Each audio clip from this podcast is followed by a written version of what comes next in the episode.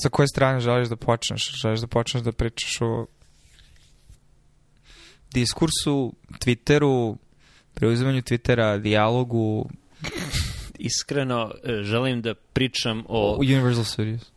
Tome da mi je Florida od virtualno najomraženije države u, u Americi gde žive samo ludaci uh, koja ima jako lošu klimu i koja je nemoguća za život, postala jedna od najomiljenijih država u, u SAD-u, e, jer prošle godine smo bili na ostrovu Kaptiva, koje je jako, le, jako lepo, na zapadnoj obali je, gleda prema zalivu, more je sjajno, nije Jadransko, ali nije, nije ne, Sredozemno more je jedinstveno. Uh, ali je dobro, mnogo bolje od, od istočne i zapadne obale, e, plaže su prepune školjki, e, nema talasa, znači klima je bila u aprilu predivna. I onda smo prošle nedelje bili u gradu koji je verovatno najomraženiji e, porodicama u Americi jer se tamo nalaze Disneyland, u stvari Disney World i Universal Studios Orlando koji niti ima more, niti ima plaže, niti ima neke naročito zanimljive zgrade, niti je kao grad nešto naročito zanimljivo. zanimljiv. Zato ima ogromne hotele sa golf terenima. I... Da, ali je zato glavna turistička destinacija u Americi, jer ima ogromne zabavne parkove, koji su fantastični, koji su, svakom je bih preporučio da, da provede nedelju dana tamo, jer je, uh, lepo je da na, na nedelju dana isključiš mozak i po relativno lepom vremenu imali smo sreće, april je dobar na Floridi. E, malo, malo stojiš u redovima, ali je to stanje u redu zanimljivo, a malo se voziš po roller coasterima i e, učestvuješ u atrakcijama, ne, ne, ne znam kako drugačije da prevedem, attractions, vožnjama, učestvuješ u vožnjama, ali nije sve, sve od toga ni vožnja. Dosta njih je ono, sedneš na uh, sedište koje ima hidro, hidroliku i koje te mlati gore, dole, levo, desno dok voda prska na tebe, a gledaš nešto na platnu. Mm. Što je isto zanimljivo. Zanimljivo je. I super je za decu. Savin, nisi mnogo pocrneo. Nisam mnogo pocrneo jer su kreme za sunčanje postale fantastične. SPF 80. E, najbolje su one bele paste pune cinka koje premažeš tako da, da ličiš na zombija kad, kad šetaš Floridom. To smo porodično svi koristili. Tako da, da, to je, to je dobro. A i ne moraš da piješ suplemente cinka, pošto sam siguran da dosta toga završi i u cirkulaciji. Srećem nema na osmiju. Da, ne znam, ja sećam u Orlandu smo bili decembru 2019. pred početak covid na hematološkoj konferenciji i utisak tada je bio, pošto taj hotel imao bazen gde sam plivao svakog jutra i malo sam i pocrneo, bio je decembar u pitanju, tako da kad sam došao kući raspoloženje mi je bilo nenormalno dobro, onda nisam bio siguran da li je to bilo tih četiri dana malo odmora, da li je bilo to što sam malo duže spavao, to što sam malo bio na suncu ili to što sam bio malo fizički aktivan, ali uh, delimično mislim da malo sunca je okej, okay, ono, s vremena na vreme. Mislim da je sve to tačno naročito što su u pitanju bili za tebe decembar, za nas april, dva no. Da. puta.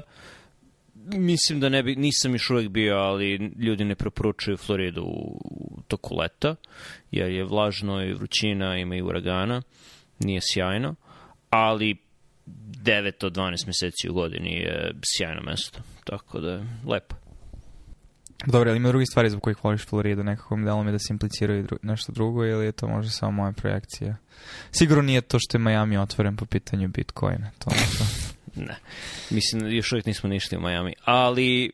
Pa, mislim, jeftina je za život, značajno jeftinija od Vašingtona, čak su i najskuplji delovi Disney Worlda bili isti ili jeftiniji od buđevih restorana u DC-u, tako da je sa te strane dobro. Ako gledaš cenu nekretnina na Floridi, i dalje su smešno jeftine. E, kuća koja se, ono, sa tri spavaće sobe koja se raspada ne košta milion i po kao u severozapadnom DC-u, nego košta 200-300 hiljada. Još jedna lepa stvar i naravno ne, ne, ne postoji državni porez, što je ne, ne uzimati za razliku od DC-a koji uzme 6,5% od uh, prihoda da bi i dalje ostale rupe na putevima i da bi dalje imao metro koji se raspada. Mm, na Floridi nemaš ni metro, ni... ali nemaš ni rupe na putevima. Vjerojatno zato što nema snega. A dobro, i, i, ima razloga zašto je Florida Okay. A, a ako gledaš... Uh, sa profesionalne strane. Ne znam, univerzitet, univerzitet na Miami je u posljednje tri godine pokupio dosta... Um, dosta stručnjaka za onkologiju i hematologiju, između oslog i SNH-a. Mislim da su dobili veliki upliv novca. Ovi Sylvester Cancer Center u, u, na Majamiju je verovatno dobio dodatne financije da, da poboljša kadrove, tako da što se tiče akademske medicine dosta su dobri, ali nema biotekova, tako da ako te zanima industrija, mislim da, da nije, nije Florida neka opcija. Ali moram da kažem da je ono zašto je Florida bila na, na lošem glasu, je onaj Florida man, kad uh, postoje nastavi u, no, u novima koji počinju sa Florida Man i onda nešto jako glupo, na primjer čovjek sa Floride je, ne znam, odgrizao nekome nos dok je bio na LSD-u ili čovjek sa Floride se gor rvo sa aligatorom pred maloletnom čerkom ili tako neke stvari. Uh, jedini razlog za to je zato što je Florida prva uvela e, zakon po kojem se svi po, po kojem su svi politički izveštaji dostupni javnosti. Tako da su... A, to je zanimljiva teza. Znači, glupost drugih država nije toliko na videlu. Tačno tako. No. Tako da su dokoni novinari, ono, gledaš kroz te izveštaje novina i, i vidiš, aha, znači neko sa Floride uradi nešto glupo, hajde da tabloidi pišu o tome. I to je razlog zašto je Florida Man postao poznat i onda je Florida Man postao mim sam po sebi, tako da se to nastavilo u Floridi čak i kada su druge države donele te zakone, ali još uvijek ima malo tih država, nisu sve. Mislim da je Iowa jedno od njih i par po, po srednjem zapadu. Kalifornija sigurno nije jedna. Da, da, ali to je u malom ono zašto Amerika izgleda kao najluđa zemlja na svetu, zato što su mediji generalno otvoreni i možeš lako bilo gde da si u svetu da vidiš prljav veš Amerike. E, Florida je Amerika Amerike. Dakle, druge države u Americi mogu da vide sav prljav veš Floride. Zato je ona generalno na, na lošem glasu. Ali dobro, Florida meni je toliko ono 2012-13. No, mnogo se toga izdešavalo. Ne pamti kad sam zadnji put video Florida Man meme. E, mnoge druge stvari sad imaju primat u javnom diskursu. To je tačno. Mislim da su mnogo luđe stvari preuzele Poput naslove. milijardera koji žele da kupe Twitter Hoćeš da pričaš o tome? Pa da ne, to je Elon bio Musk... plan da pričamo o tome. Znam, znam, znam. E, pa, mislim, on je, on je prototipski Florida man, mada ne živi na Floridi, živi e, i dalje u Kaliforniji ili se preselio u Texas? Texas. Ok. A, e, pa dobro, ima čovek para, zašto ne bi radio sa svojim parama šta god hoće. Mislim da to čak nije loša ideja, jer je Ben Thompson je napisao jako dobar članak o tome da glavna vrednost Twittera nije financijska, glavna vrednost Twittera je kulturološka, socijalna i da je potreban neko pod navodnicima lud kao Elon Musk da otključa taj potencijal Twittera. Ono što je Ben Thompson predložio što mi se jako sviđa je da se Twitter razdvoji na bar dva dela, gde je jedan deo taj socijalni grafikon, znači mreža, povezanosti ljudi, a drugi deo je kako se ta mreža prezentuje e, prezentuje javnosti. Tako da imaš API koji jedan, jedna firma je bila ovo što je Twitter sada, onaj Twitter koji gleda ka korisnicima, ali bi bilo ko drugi mogao da napravi ugovor sa ovim socijalnim grafikonom da napravi svoju projekciju Twittera, svoje algoritme koji će ti uređivati timeline, svoju politiku moderacije, ostale stvari. Ne, baš svidla mi se jako ta ideja. Mislim, on je neki način u nekim prethodnim člancima, onda se još pretplaćivao na one plaćene delove, a, i pričao, mislim, o problemu monetizacije Twittera od svih ono velikih društvenih platforma, a pogotovo kad poglaš u odnosu na to koliki uticaj vitla a, na, na kulturu, država, sve država, ali ono, na globalnom nivou, a, ima najveći problem monetizacije i, i teško je uhvatljivo, a, ali opet ima jedinstvenu vrednost u tome što ipak za razliku od drugih socijalnih medija prevashodno se odnosi na tekst i ljudi prevashodno u velikoj meri su lično iza svojih naloga, naravno da ima i pseudonim, pseudonimnih naloga na Twitteru, ali a, tako da imaš direktan pristup ljudima iz mnogo različitih polja, on, eksperata, šta god, a, i imaš on, potpuno otvornost interakcije koju u teoriji je fenomenalna i postoje fenomenalni primjeri toga, ali u praksi često se svodi na zbog ograničenosti karaktere koje je s jedne strane prednost, ali eksternalite toga je gubitak razumevanja i quote fitovi koji dovode ka uh, viralnosti gde ono, ne želiš da budeš kako ono, there is one, you don't wanna be the main person on, on Twitter. Twitter. Da, da, zašto uvijek jedna tema koja na kraju ispliva, to je ono bilo Bean dad, ono pre godinu, godinu i po dana. Sećam se toga jer se desilo nedelju dana nakon što smo preporučili Omnibus kao podcast da. koji je jako dobar za gledanje. Danas je to bila Taylor Lawrence. Da, da, zato sam ti ono poslao poruku, jer sam pretpostavio da će to biti ono tema dana, jer kad vidiš ono da 5-6 ljudi iz relativno nezavisnih bablova koje pratiš, pošto svi imamo svoje ono mehure, a, ako se trudiš da budeš to širi, jedan drugog shvatiš, a, i ovo je mehur, kada oni počnu i druge da kvotvituju. Um, Ove, da kad vidiš da ljudi iz relativno različitih sfera koji nemaju mnogo dodira počnu da diskutuju o nečemu, vidiš da je, da je, to, da je to verovatno tema dana. Da. Tako da, Ali da. namerno postoji ekstenzija za Firefox koja ti briše onaj desni panel na Twitteru sa trending temama i svim tim glupostima koju ja imam uključenu, tako da ja pojma nemam šta je trending na Twitteru u bilo kom trenutku. Uh, to je jedna taktika, druga ako nećeš da instaliraš ekstenzije, možeš da postaviš da, da si locira, ne znam, u Mongoliji, pa ćeš dobiti trending teme u Mongoliji. Taylor Lawrence nije trendovala u Mongoliji danas. Da, dobro, ja, ja ne obraćam pažnju toliko na trending teme, ali znaš kad ljudi koje pratiš krenu da... To da, to, od toga ne to, možeš da, da pobeđeš. Da, da, da. Ali, je, da, sada treba da, da spomenem i oni drugi članak koji je izašao istog dana, kada i Thompsonov članak, onaj o tome zašto su poslednjih deset godina u Americi bile jedinstveno glupe. Uh, deo razloga je bio baš viralnost uh, tweetova i Facebook postova i uh, sad da, da ne ulazimo u detalje, ljudi treba da pročitaju taj članak, treba da pročitaju oba članka jer su jako dobra. Uh, deo, deo leka, deo, deo rešenja za problem je da se eliminiše na neki način viralnost tweetova. Jedan od načina bi bio razbiješ Twitter i onda svako može da ima mini Twitter i onda bi nadam se postojili algoritmi koji ne bi prioritizirali viralnost, jer ono što je viralno je obično ono što raspaljuje strasti i što izaziva konflikt. Uh, to je jedno od mogućih rešenja, ono što je ponuđeno u tom tekstu je mogu da postoje samo dva nivoa retweetovanja, ako hoće treća osoba da retweetuje, ne može da retweetuje taj originalni tweet, nego mora da kopira i da napravi novi post na tu temu. To je još jedan dobar način da se, ukin, da se isključi viralnost ali viralnost sama po sebi mislim da je loša stvar. Mislim da ništa dobro nije, nije nastalo od, od viralnih tweetova. Da li može ne, da ti padne na pamet jedna korisna stvar koja je, koja je proistekla iz viralnog tweeta? Čak i ono ako neko... Sećam se, ima nekih primjera gde, ne znam, neki lik koji je radio za kasom, pa ga je neko slikao, ja vidi što je simpatičan, neki tinejdžer, i onda je on postao popularni lik na internetu nedelju dve, i onda je, mislim da, da mu je to uništilo život, jer je lik napustio školu i hteo da naplati svoju iznenadnu popularnost na Twitteru, što naravno nije uspelo jer si popularan nedelju dana i to nestane. Dakle, viralnost je... Treba raditi protiv, protiv toga.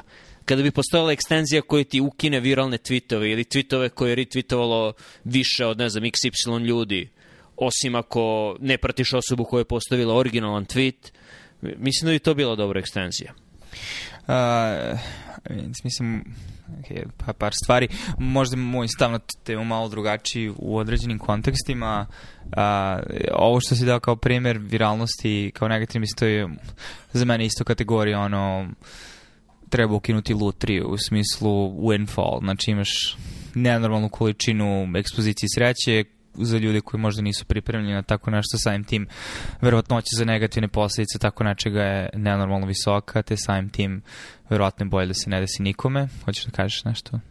Hoću da kažem da kod lutrije bar postoji jedan dobitnik, a to je organizator lutrije, koji je obično država, koji od toga finansira različite projekte. Tako da tu postoji bar jedna stvar koja je pozitivna. Ma da, ne pričam lutri to... kao konceptu, nego konceptu toga da te nešto strefi što je previše dobro Pa to, u trenutku... visoke premije na lutri bi možda trebalo ukinuti. Da ne, možeš, da ne može jedna osoba u Americi da dobije 350 miliona dolara od jednog izvlačenja. To da, visoke premije na lutri ali to je to, ukineš viralnost, ukineš, ukineš debele repove ja. Da. tog.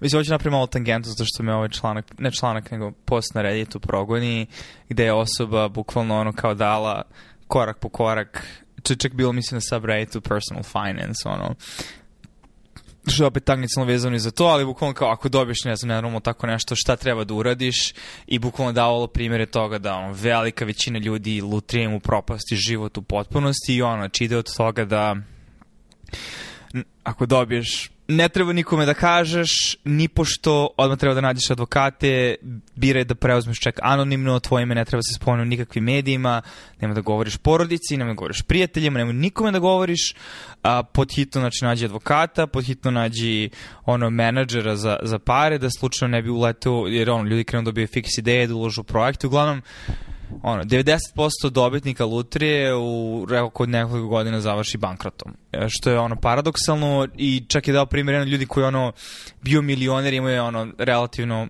ok srednje veličine biznis i na kraju opet imao problem jer ono ako živiš u malom gradu, ono, policija krenete zaustavlja za svaku glupost, ljudi, ljudi su ono, zavisni i na kraju ispostavio se da dobiti na loteriju možda najgora stvar koja možete da se... Uglavnom, teza toga jeste takva i argument je jako dobro, sam pozvao da, ovo ne želiš nikome, ono, mislim, jer svi žele da se u istom trenutku okoriste od tebe ili većina ljudi i uopšte je teško da različiš koji su stvarno tu zbog tebe, a koji su tu da bi uzeli nešto. Apsolutno se slažem sa tim. Imao sam dugi razgovore sa... Svojim ocem. Sa suprugom. A, okay.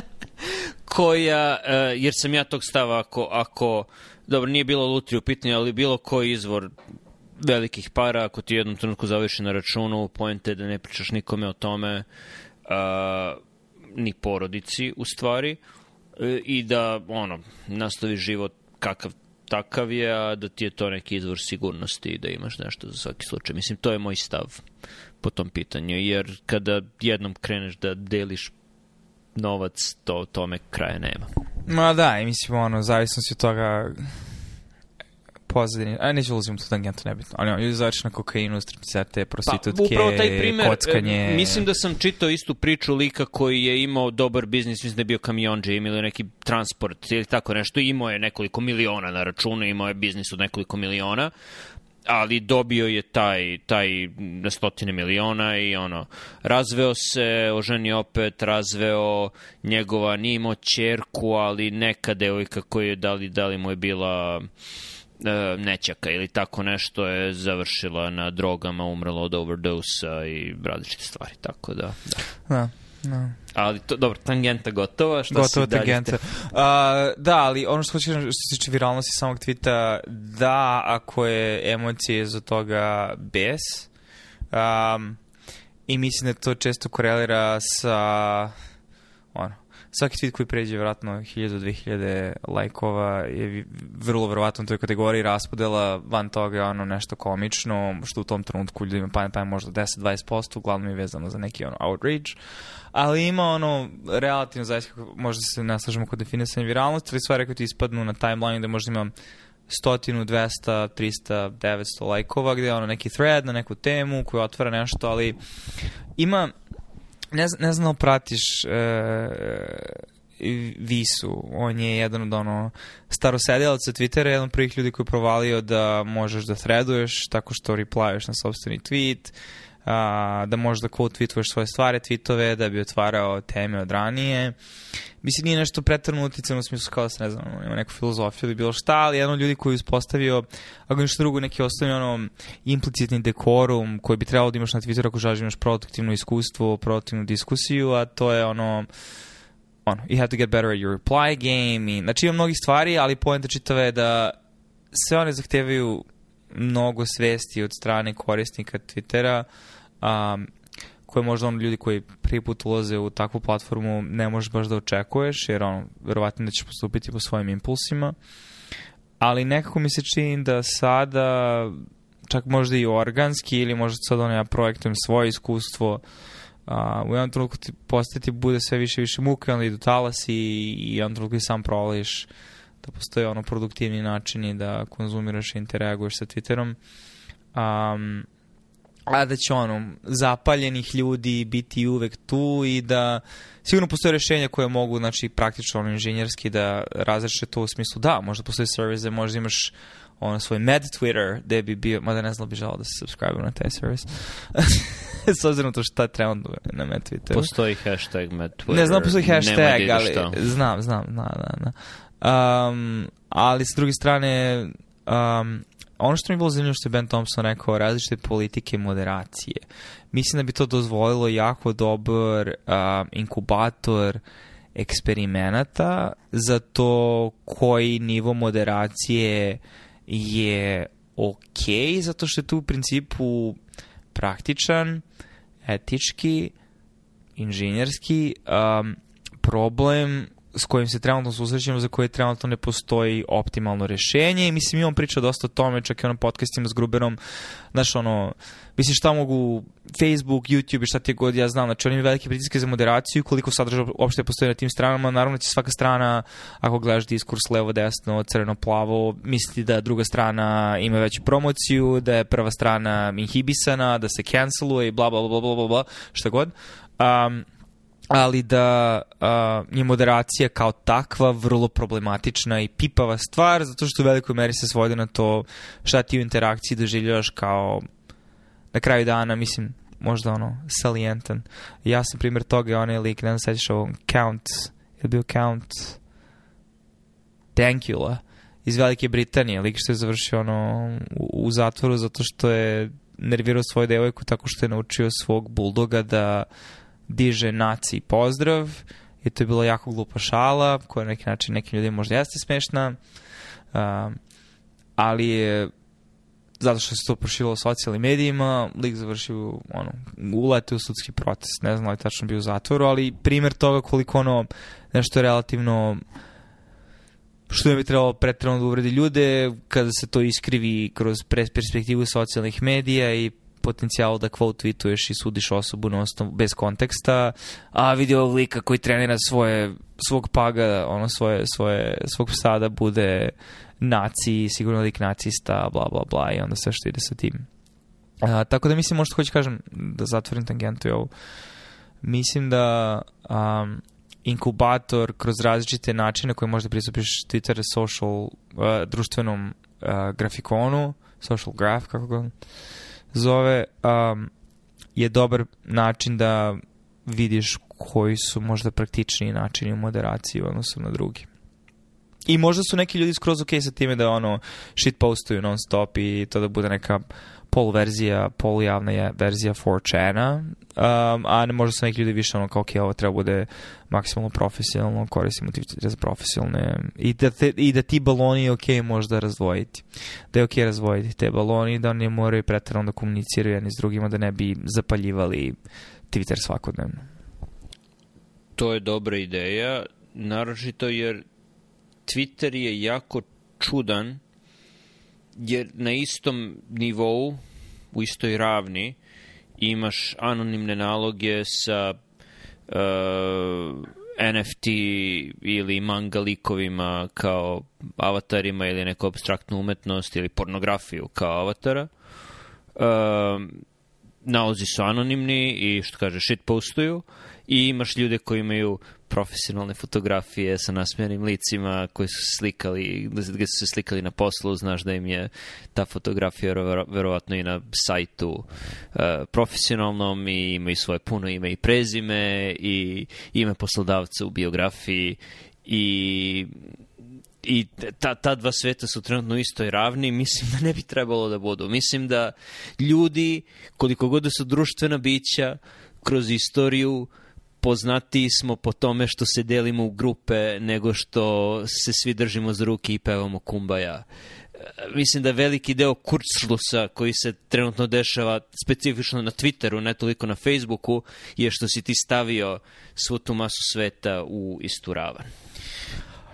Da, i mislim što na neki način, e, nema, mislim, ja mislim da postojanje anonimnih ili pseudonimnih naloga ima svoju funkciju, pogotovo ako želiš da na neki način dozvoliš slobodu govora ljudima koji možda ne bi bili skroz ok da iza svog imena i prezimena stoji iza nečega. Uh, i da to ima svoje e, vreme i mesto i tekako.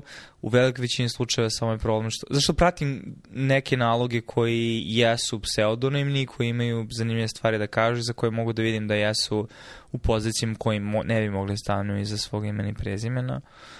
Um, ali on, 90% ljudi su tu da shitpostuju, troluju i ovaj, ono što mislim, i mislim dotakli smo se ovoga, siguran sam u jednom od prethodnih podcastova, kada smo pričali ono, ekvivalent ono, Gutenbergove revoluciji i totalno nove tehnologiji koja ono izaziva dosta zbunjivanja i haosa i nesigurnosti i razdvajanja, o čemu pričao ovaj članak u Atlantiku, ali um, glavni problem je samo to razdvajanje fizičkog kontakta i da problem sa anonimnim ili pseudonimnim nalozima na neki način, barem kad interaguju sa ljudima koji recimo zastupaju stave u okviru svojih domena znanja i za svog imena i prezimena je što um, u velikoj meri podstiču ružnu diskusiju i iako ti možeš da misliš da ako ti napišeš nešto ružno, sedeći sa svog kompjutera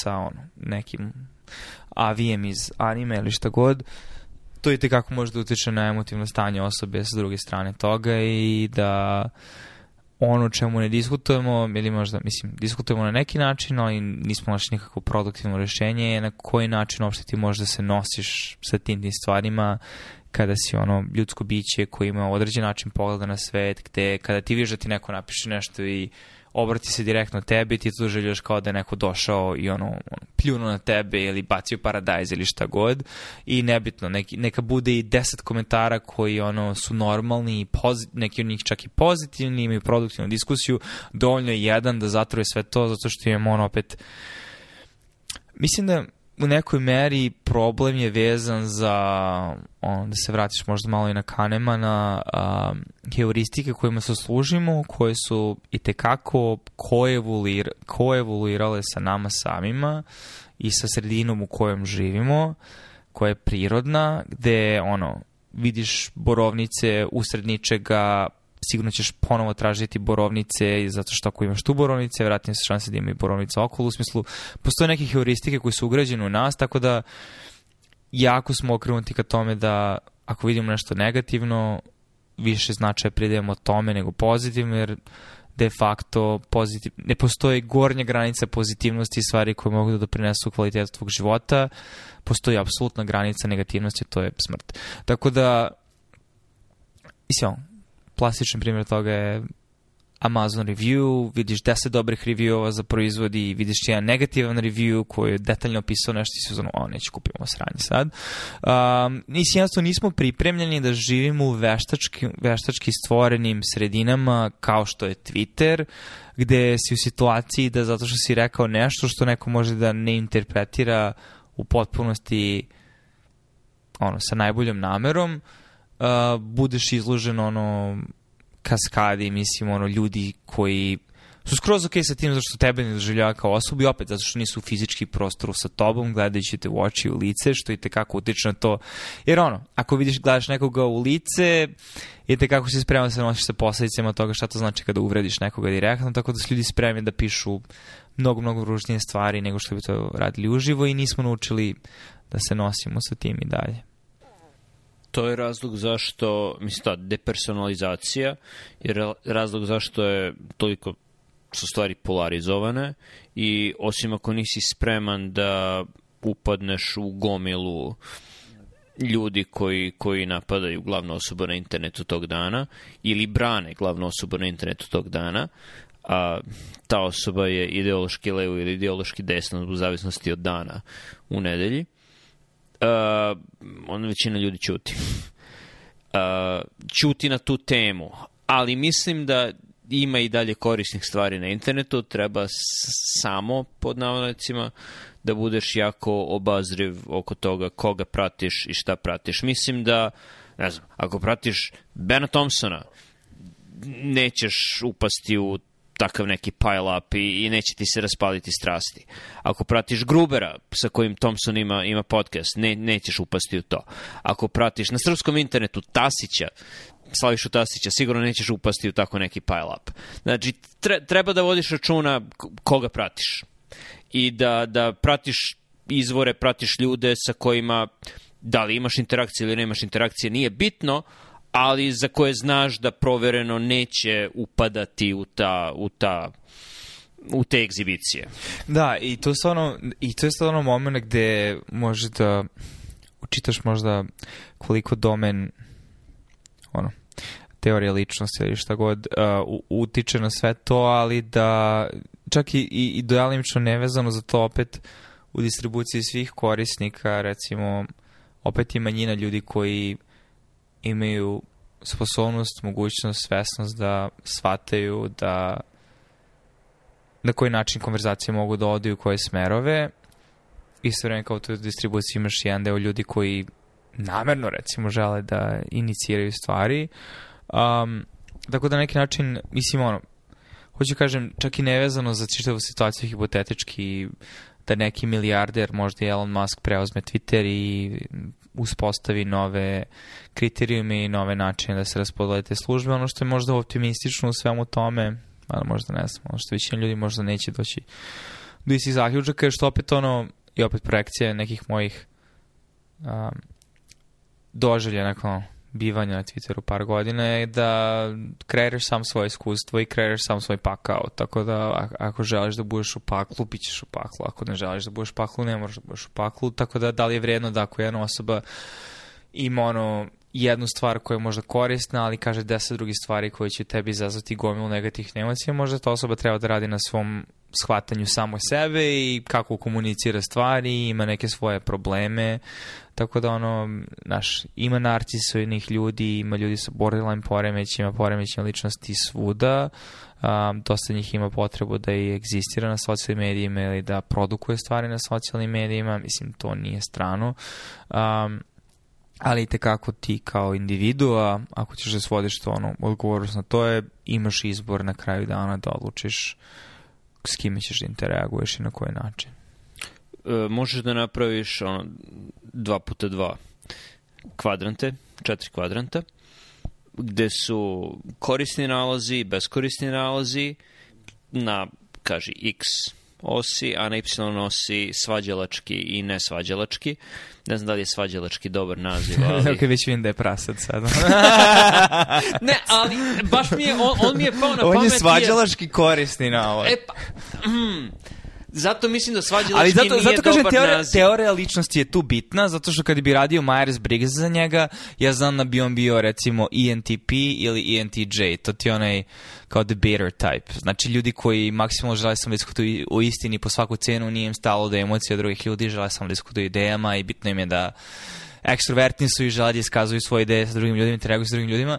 Uh, I on disclaimer, mislim i taj model je ograničen na svoj način, ali opet je koristan kao što su svi modeli u određenim domenima korisni, ali hoću kažem da da neke stvari da, ali ono mislim ne znam, ono svaka čast prasadu mislim u smislu da je ono nije imao nervni slom do sad, zašto mislim da bi mnogi, većina ljudi imalo nervni slom s obzirom na to kakve, kakve, kakve ali, ljude on privlači za... načinom diskusije, mislim da ono svako ima svoj stil debate, svakako podržavam skeptičan stav i de, debaterski stav, ja ga ne doživljavam malicioznim, ali mogu da nekako većina drugih ljudi može. Zanimljivo je što ti on prvi pao na pamet, i meni on prvi pao na pamet kad mi je taj kvadrant ušao u glavu, ali da li bi njega okarakterisao kao svađalački, jer on nije tip ličnosti koji pajlapuje na druge. Znači, on neko tweetuje suprotnu stranu da bi nešto loše rekao, on generalno uh, tvituje o svojim radovima i tvituje o, o člancima na internetu i njih komentariše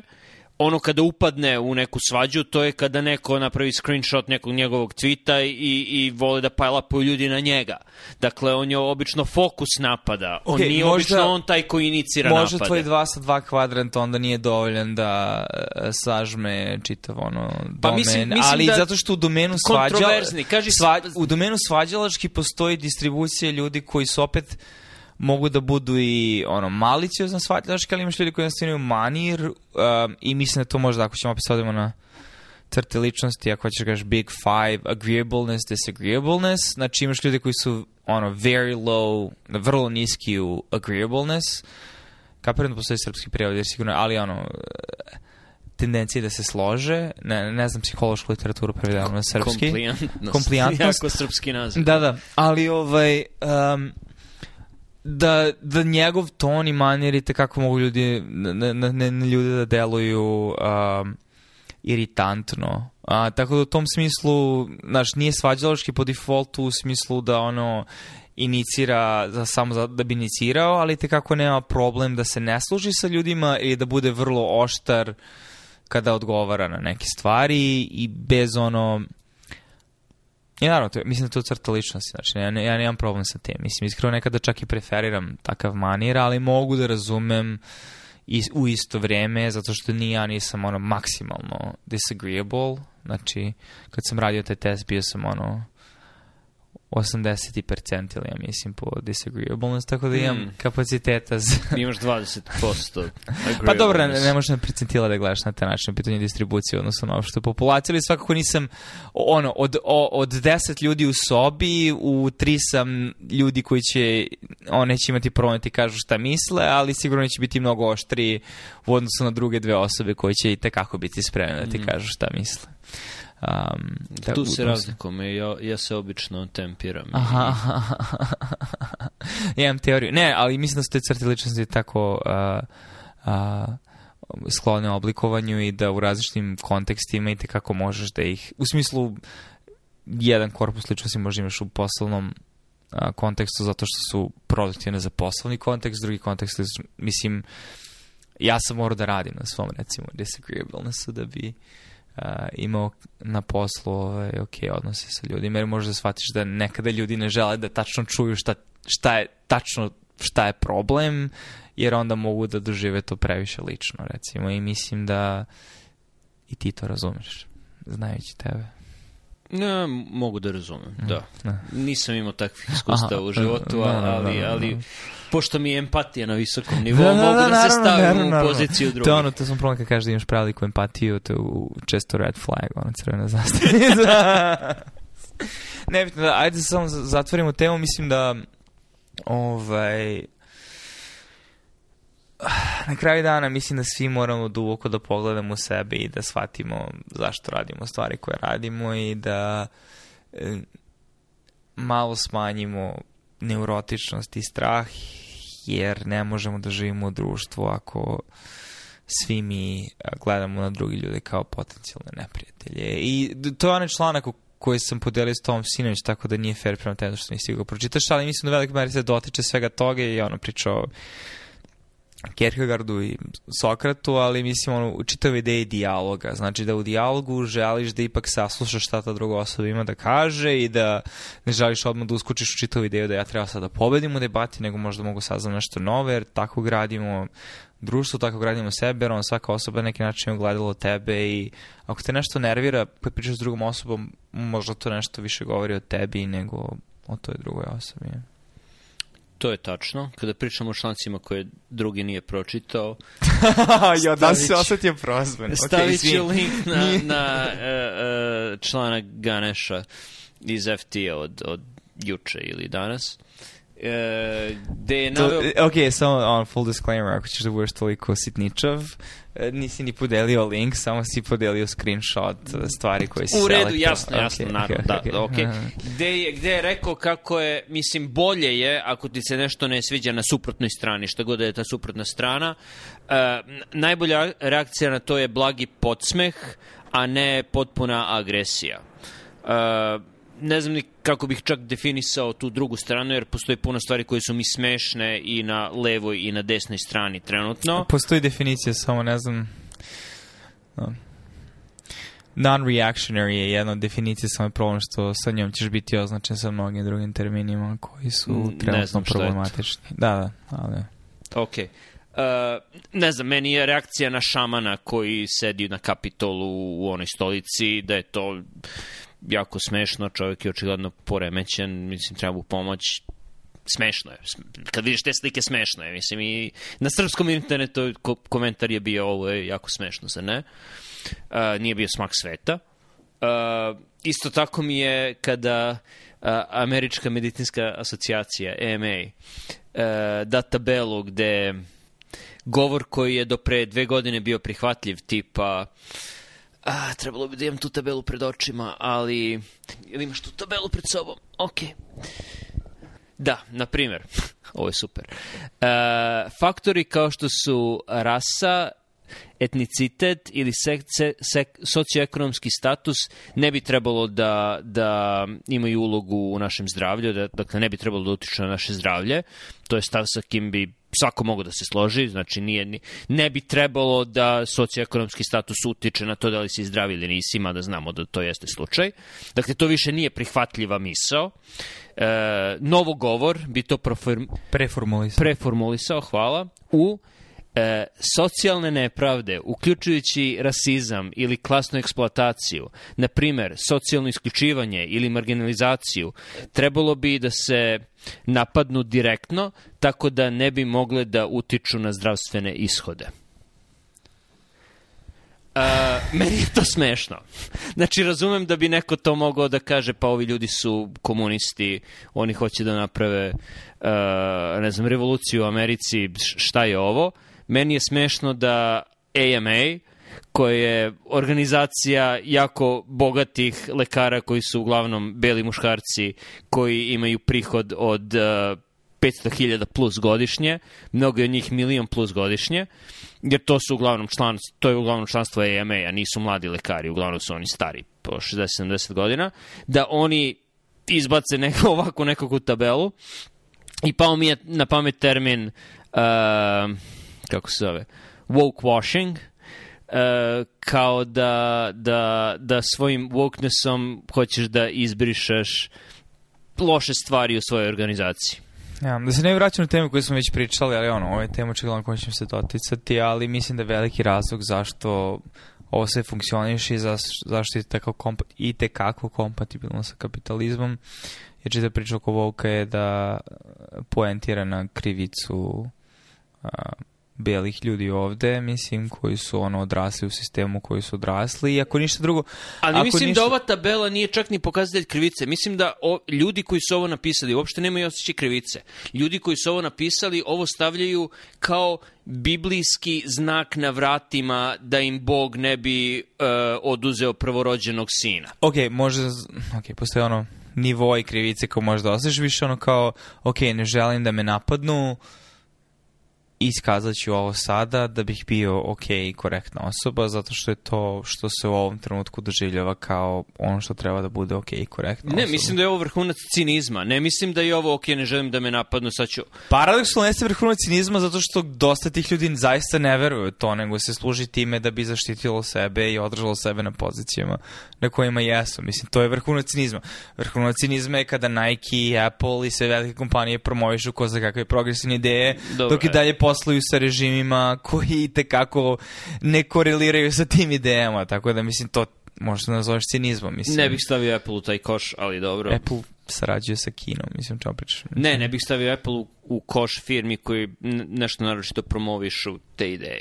Manje od ostalih. Mislim, oni su, imaju problema zato što ne promovišu te ideje, jer njihovi zaposleni se žale zašto oni toliko ne promovišu te ideje. Apple je na mojoj dobroj listi sa te strane. Znam, svi imamo bias prema Apple, pogotovo što više Apple-ih proizvoda da konzumiraš i posjeduješ, to će ti i njihovih akcija, to ćeš manje biti ono, kako si ono, ne, mislim da si u tom nekom tom blog postu rekao ono Sinclair, onaj citat, ono, kako, kako, kako ide citat? Šta, da, da ne treba da ubeđuješ čoveka u nešto ako njegova plata zavisi od toga da ne veruje u to? Aha, okej, okay. to, taj citat. o tome ti govorim samo zato što mislim da iskazujem i svoj bias, zato što ono, mislim, ono, mislim da smo boljci i tekako pozitivno biasovani prema Apple, tako da zato spremam da istrpimo dosta sranja od strane te kompanije pre nego što zaista počnemo da prispitujemo naše stave. Uh, ok, to je peta tema za večeras, ali mislim, mislim da su bili dosta ok u poslednjih nekoliko godina. Izbacili su jako dobre proizvode. Netflix i Apple su bili ok, odnosno na ostale medije po mom pitanju, na, po ovom stavu. Da. Mislim... Bili su generalno ok, da, slažem se. Zar ne, ne, ne, ne, ne, ne, da, slažem se. Tako da, da ne bih ih stavljao ni na kakve specijaliste. Čak mislim, ako, ako mene kao uh, vlasnika minijaturnog broja deonica Apple-a pitaš, najveći rizik jeste poslovanje sa Kinom, ali mislim da aktivno rade na tome da malo prebace deo poslova van Kine, mislim da se neki procenat iPhone-a sada, sada proizvodi i u Indiji, nije samo u Kini. Mislim da to nije samo geostrateška odluka ako, ako ne znam, Amerika zaradi sa Kinom ili tako neke vanzemaljske ideje, nego Kina i dalje gura tu zero covid politiku i zatvaraju fabrike, iako, ne, ne znam, MacBook Pro se pravi u jednoj jednoj fabrici u Kini, ako oni zatvore tu fabriku na mesec dana, nema MacBook Pro mesec dana, ne, nema ih. Tako da žele to da izbegnu, ako ništa drugo. Tako da, da mislim, drago mi je što izva, i, vade proizvodnju iz Kine i stavljaju u druge zemlje. Mislim da bi bilo lepo kad bi većina proizvodnje bila u Americi. Pošto smo mi u Americi, ne zato što nešto što volim Ameriku, Uh, ali lepo je kad je fabrika u ist, na istom kontinentu gde si ti, tako da ne moraš da gledaš kako ti paket stiže iz Šenžena u, u, u luku. Uh, ali da. Ovo zvučiš kao pravi Amerikanac, tako da je jako dobro. Znači, želiš da se stvari prave u Americi, ako nekad imaš problem sa time šta Amerika radi, tako da potpuno ti upadaš u... ok, ok, ne, ne, sve, sve ide svojim tokom, mislim. Ne, ali eh, de facto, mislim, to jeste um, u čemu je suština. Uh, um, interpretirati stvarnost na, na više nivoa je komplikovano, ali naravno da postoji više motivacije za dekaplovanje, ali ono, ako ćeš dođeš da u, u novu tangentu je da živimo u novom dobu u kojem ono, ideja Fukushima, eh, ne, Fukushima, uh, Freudian slip, uh, Fukuyamine, ono, uh, perpetualne kraje istorije kroz liberalnu demokratiju definitivno se dovodi u pitanje i da ćemo vrlo verovatno uskoro ulaziti sve više u period um, potreba država da se učine što više nezavisnijim od globalnog tržišta s obzirom na rizike koje to globalno tržište nosi sa sobom, a pogotovo u kontekstu skorašnjih događaja, tako da Um, I mislim da Amerika u odnosu na mnoge druge zemlje koje imaju svoje različite probleme, ali te kako treba da razmišlja o tome s obzirom na to koliko je zavisno od Kine i novog savezništva koje možda Kina nije želela, ali koje se de facto formiralo sa Rusijom, tako da a, proizvodnja treba da se pomeri a, više ka, slaž, mislim da se tu slažemo ka ono, stvarimo unutar granice, pogotovo što nakon čitave deindustrializacije i čitave izgubljene generacije ljudi koji su ostali bez poslova i glasali za Trumpa na kraju, treba da skapiramo koja je to nova ekonomija, koja je to nova industrija koju treba da stvaramo, jer građane građenje glupih gradova sa lošim urbanističkim planovima i sa što više puteva nije korak u budućnost, već je nešto drugo. Dobro, mislim da je očigledno re, reindustrializacija Amerike da. je, je rešenje pitanje koje industrije i koliko ljudi je u stvari potrebno da, da se tako nešto desi. No, da. a nek svi ostali rade bullshit jobs. To je, to je sledeća tema.